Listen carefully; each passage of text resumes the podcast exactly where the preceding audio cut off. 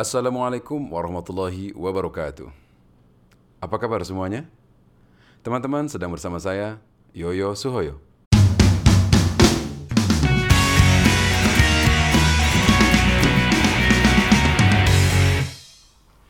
Pada sesi kali ini, saya akan menjelaskan panduan praktis bagaimana kita mempersiapkan dan melakukan kuliah.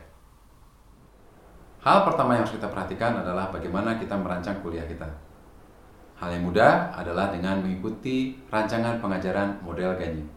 Dengan mengikuti 9 langkah yang ada pada model Ganye, kuliah kita akan dapat dilaksanakan dengan baik. Hal berikutnya yang harus kita perhatikan adalah media ajar yang kita gunakan dalam kuliah kita. Ingat kembali bagaimana cara kita memilih media ajar dan cara kita mengembangkan media ajar.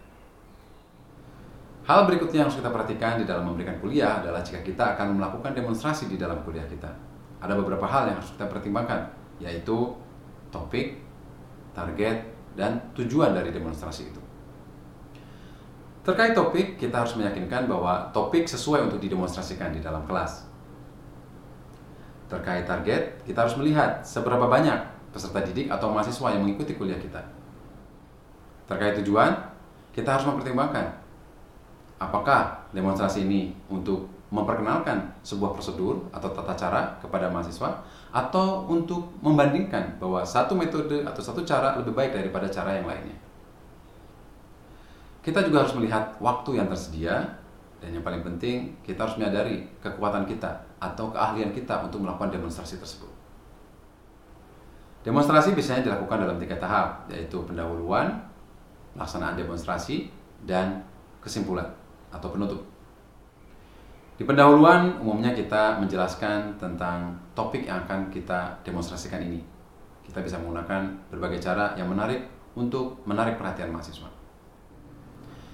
Selanjutnya kita lakukan demonstrasi, kita lakukan tahap demi tahap, langkah demi langkah, prosedur dari kegiatan yang kita demonstrasikan. Kita bisa menuliskan poin-poin penting dari demonstrasi tersebut agar diingat oleh mahasiswa. Di bagian akhir, di bagian kesimpulan, kita bisa menyampaikan kembali tujuan dari demonstrasi yang kita lakukan dan meringkas atau merangkum langkah-langkah yang telah kita tunjukkan kepada peserta didik atau kepada mahasiswa. Jika demonstrasi kita membutuhkan alat visual, maka kita harus meyakinkan bahwa alat visual tersebut meningkatkan pemahaman mahasiswa terhadap materi yang kita demonstrasikan. Kita juga harus meyakinkan bahwa media tersebut bisa dilihat dengan baik oleh mahasiswa. Kita juga harus meyakinkan bahwa alat visual tersebut menarik, sederhana, jelas, mudah dipahami, dan tentu saja mudah digunakan. Jika alat visual kita menggunakan energi listrik, maka kita harus memastikan listrik tersedia. Kalaupun listrik mati, kita sudah menyiapkan rencana cadangan. Hal lain yang harus kita perhatikan dalam kuliah adalah jika kita akan menyampaikan pertanyaan di dalam kuliah. Pertama-tama kita harus memahami level atau tingkatan pertanyaan dan jenis pertanyaan. Berdasarkan level atau tingkatannya, pertanyaan dibagi menjadi pertanyaan tingkat dasar dan pertanyaan tingkat lanjut. Tingkatan ini didasarkan pada pengelompokan tujuan pengajaran kognitif dari Bloom atau yang kita kenal dengan taksonomi Bloom. Pertanyaan tingkat dasar adalah pertanyaan yang ditujukan kepada tiga tujuan pengajaran menurut klasifikasi Bloom yang pertama, yaitu mengetahui, memahami, dan menerapkan atau mengaplikasikan. Pertanyaan tingkat dasar ini umumnya dilakukan untuk mengetahui kesiapan mahasiswa, mendiagnosis kelebihan dan kekurangan mahasiswa, atau untuk mentelaah atau mereview materi yang telah diberikan. Pertanyaan tingkat lanjut adalah pertanyaan yang ditujukan kepada tiga tujuan pembelajaran menurut taksonomi Bloom yang terakhir, yaitu menganalisis, mengevaluasi, dan mencipta atau mengcreate. Pertanyaan tingkat lanjut umumnya dilakukan untuk mendorong mahasiswa berpikir lebih kritis atau lebih dalam, mendorong mahasiswa untuk melakukan pemecahan masalah, mendorong mahasiswa untuk mencari informasi dengan caranya sendiri, atau mendorong mahasiswa untuk melakukan diskusi. Berdasarkan jenisnya, pertanyaan dibagi menjadi dua, yaitu pertanyaan terbuka dan pertanyaan tertutup.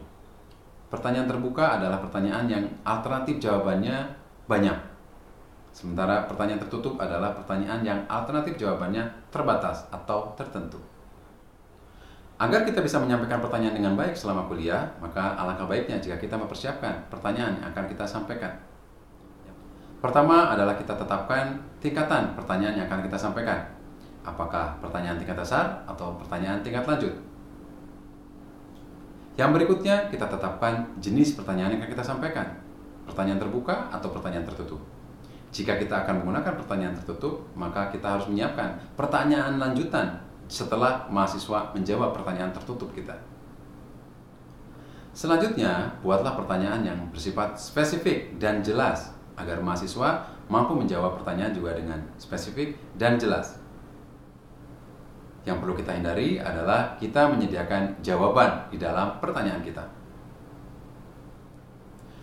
Setelah kita membuat pertanyaan, langkah selanjutnya kita harus mempersiapkan diri terhadap tanggapan dari mahasiswa. Mahasiswa bisa jadi menjawab pertanyaan kita atau tidak menjawab pertanyaan kita atau menjawab tetapi jawabannya salah. Jika jawaban mahasiswa benar, maka kita harus menyiapkan dua hal, yaitu reinforcement dan probing. Reinforcement maksudnya adalah penguatan, baik verbal maupun non-verbal. Probing artinya kita mencari tahu lebih dalam pemahaman mahasiswa tersebut yaitu dengan menyiapkan pertanyaan susulan dari jawaban yang telah mereka berikan.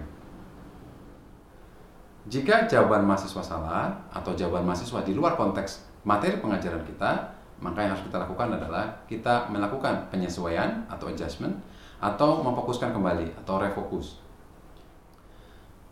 Penyesuaian maksudnya adalah kita mengatur ulang pertanyaan kita agar mahasiswa bisa mengingat kembali materi yang telah kita berikan dan menggunakan pemahaman tersebut untuk menjawab pertanyaan kita.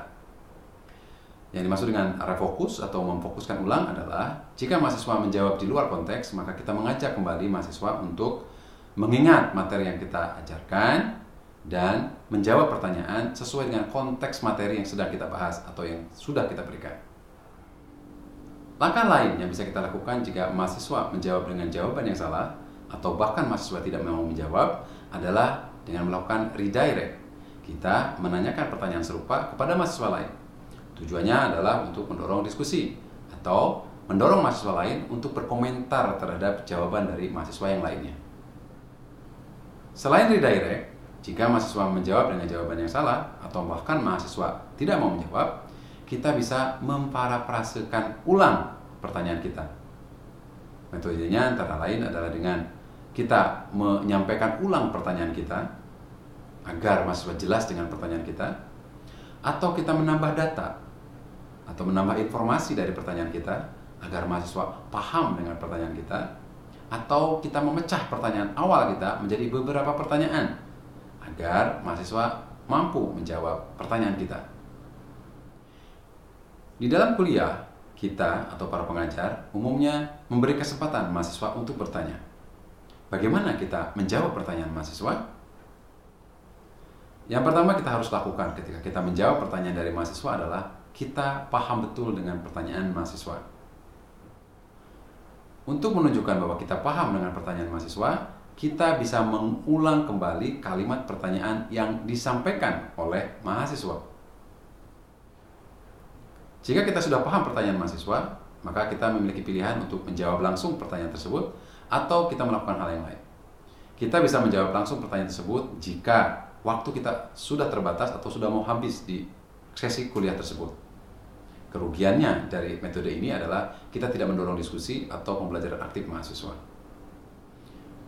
Hal lain yang bisa kita lakukan ketika kita menerima pertanyaan dari mahasiswa adalah melempar pertanyaan tersebut ke dalam kelas.